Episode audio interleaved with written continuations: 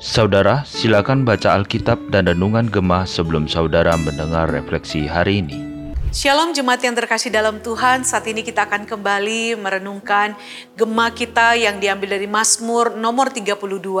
Namun sebelumnya mari kita masuk di dalam doa.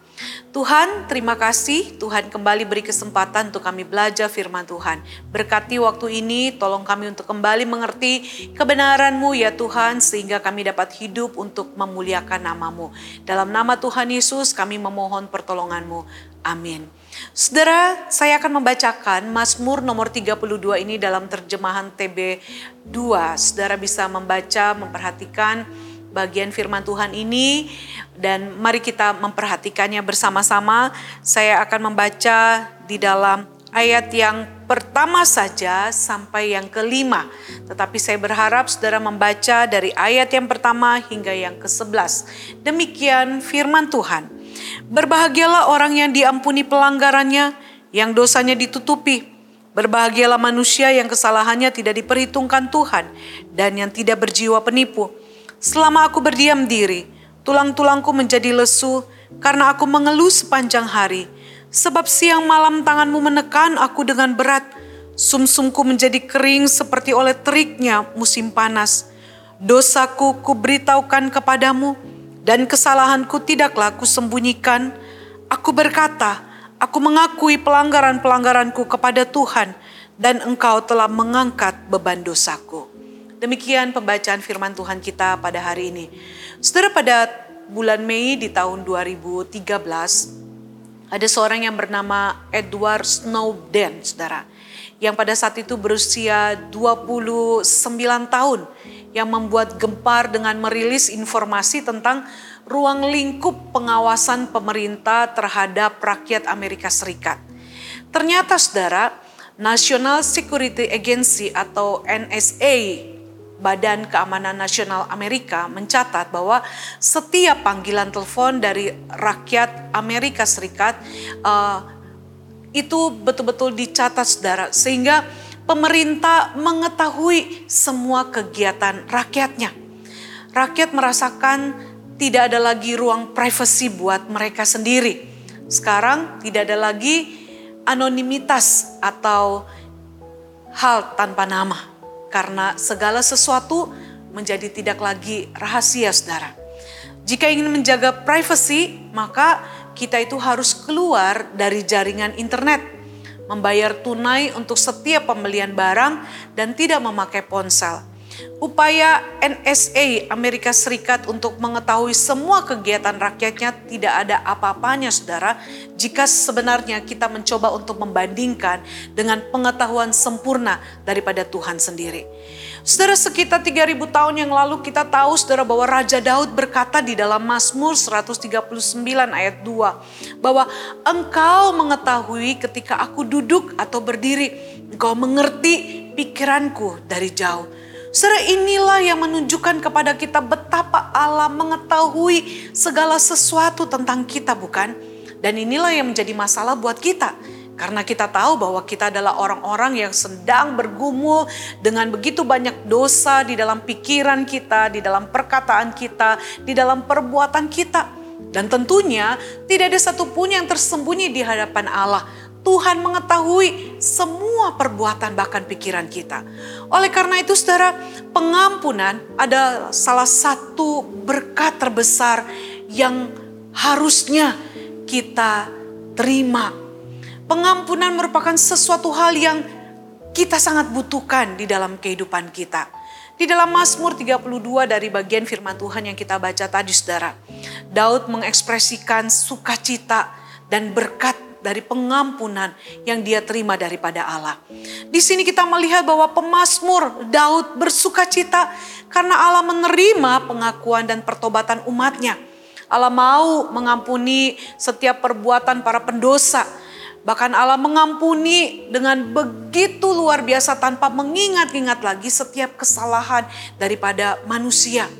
Di sini kita melihat saudara bahwa mengampuni adalah bagian dari sifat Allah yang penuh kasih. Di mana dia sudah menyatakannya kepada Musa. Kalau saudara bisa melihat di dalam keluaran 34 ayat 7. Bahkan Allah menyatakan kepada Daud bagaimana dia mengampuni Daud di dalam segala dosa dan pelanggarannya. Dan secara dramatis saudara, Allah menunjukkan betapa dia begitu mengasihi manusia dan dia mau memberikan pengampunan kepada manusia melalui karya Kristus di atas kayu salib.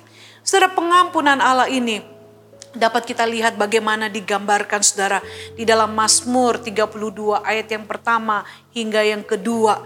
Kita menemukan di sana ada perkataan diampuni pelanggarannya, ditutupi dosanya dan kesalahannya tidak diperhitungkan. Ini adalah satu hal yang sangat luar biasa Bahkan kalau kita memperhatikan apa yang ada di dalam Roma 4 ayat 7 sampai 8, maka kita akan melihat Rasul Paulus juga mengutip bagian Mazmur ini di dalam Roma 4 ayat 7 sampai 8 serta menunjukkan bahwa pengam, pengalaman pengampunan yang menggembirakan ini dapat diperoleh melalui apa Saudara? Hanya melalui iman kepada Tuhan Yesus Kristus. Jika kita tidak memiliki iman kepada Tuhan Yesus Kristus, maka saudara jangan pernah berpikir bahwa dosa kita akan diampuni. Hanya dengan memiliki iman, percaya, menerima Yesus secara pribadi dalam kehidupan kita, maka dosa kita akan diampuni. Bukan hanya dosa kita pada saat ini, saudara, tetapi dosa masa lalu kita pun akan diampuni oleh Tuhan. Seperti ketika Daud menulis dengan tangannya bahwa Allah menekannya dengan sangat berat sepanjang siang malam dan bahkan dia merasakan bahwa sumsumnya menjadi kering seperti oleh teriknya musim panas. Namun kita melihat bagaimana saudara, ketika Daud datang kepada Tuhan, Daud merasakan betapa kasih setia Tuhan begitu besar. Kasih setia Tuhan begitu luar biasa yang mau memberikan pengampunannya kepada Daud. Oleh sebab itu saudara, Mari setiap kita boleh menyadari siapa diri kita di hadapan Allah. Kita adalah orang-orang berdosa. Dan tidak ada satupun di antara kita yang dapat menyembunyikan dosa kita.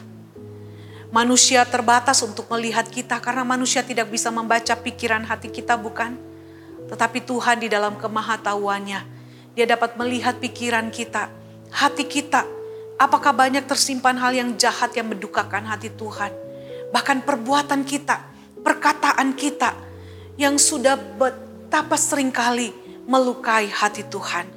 Karena itu saudara sama seperti pemazmur, kita membutuhkan anugerah pengampunan Tuhan. Karena itu mari dengan penuh kerendahan hati kita datang kepada dia. Kita mengakui segala dosa dan kesalahan kita saudara. Entah itu yang ada di masa lalu kita, yang saat ini kita sedang lakukan dan kita nikmati kita mohon supaya Tuhan memulihkan hidup kita. Sehingga saudara kita yang mengaku percaya dan beriman kepada Tuhan Yesus ini. Hidup kita dapat mempermuliakan nama Tuhan. Karena itu saudara mari datang kepadanya. Dia selalu membuka tangannya dengan penuh kasih, dengan penuh kemurahan untuk selalu memberikan pengampunannya kepada kita. Karena itu mari datang dengan penuh kerendahan hati, memohon belas kasihan Tuhan dan pengampunan Tuhan atas setiap dosa dan pelanggaran kita. Dan mintalah Tuhan untuk memulihkan kita kembali untuk kemuliaan namanya. Amin. Mari kita berdoa. Ya Tuhan kami mengucap syukur melalui perenungan kami pada saat ini Tuhan. Kami menyadari betapa Tuhan begitu mengasihi kami. Bahkan Tuhan senantiasa menanti kami untuk kembali datang kepada Tuhan untuk mengakui segala dosa dan pelanggaran kami. Karena itu ya Tuhan biarlah kami boleh sungguh-sungguh menjadi pribadi-pribadi yang bukan hanya sekedar berkata percaya kepada Tuhan, tetapi kami boleh sungguh-sungguh menghidupi firman Tuhan di dalam hidup kami, sehingga kami dapat memuliakan Tuhan. Bagi kami yang mungkin masih ragu-ragu, atau bagi kami yang belum percaya dengan sungguh, kami mohon Tuhan, buka mata hati rohani kami, untuk melihat kasih-Mu yang begitu besar dalam hidup kami, yang mau mengampuni dan memulihkan kami. Sehingga ya Tuhan, kami boleh benar-benar menjadi pribadi-pribadi yang terus bersuka cita karena menerima anugerah pengampunan daripada Tuhan Yesus Kristus.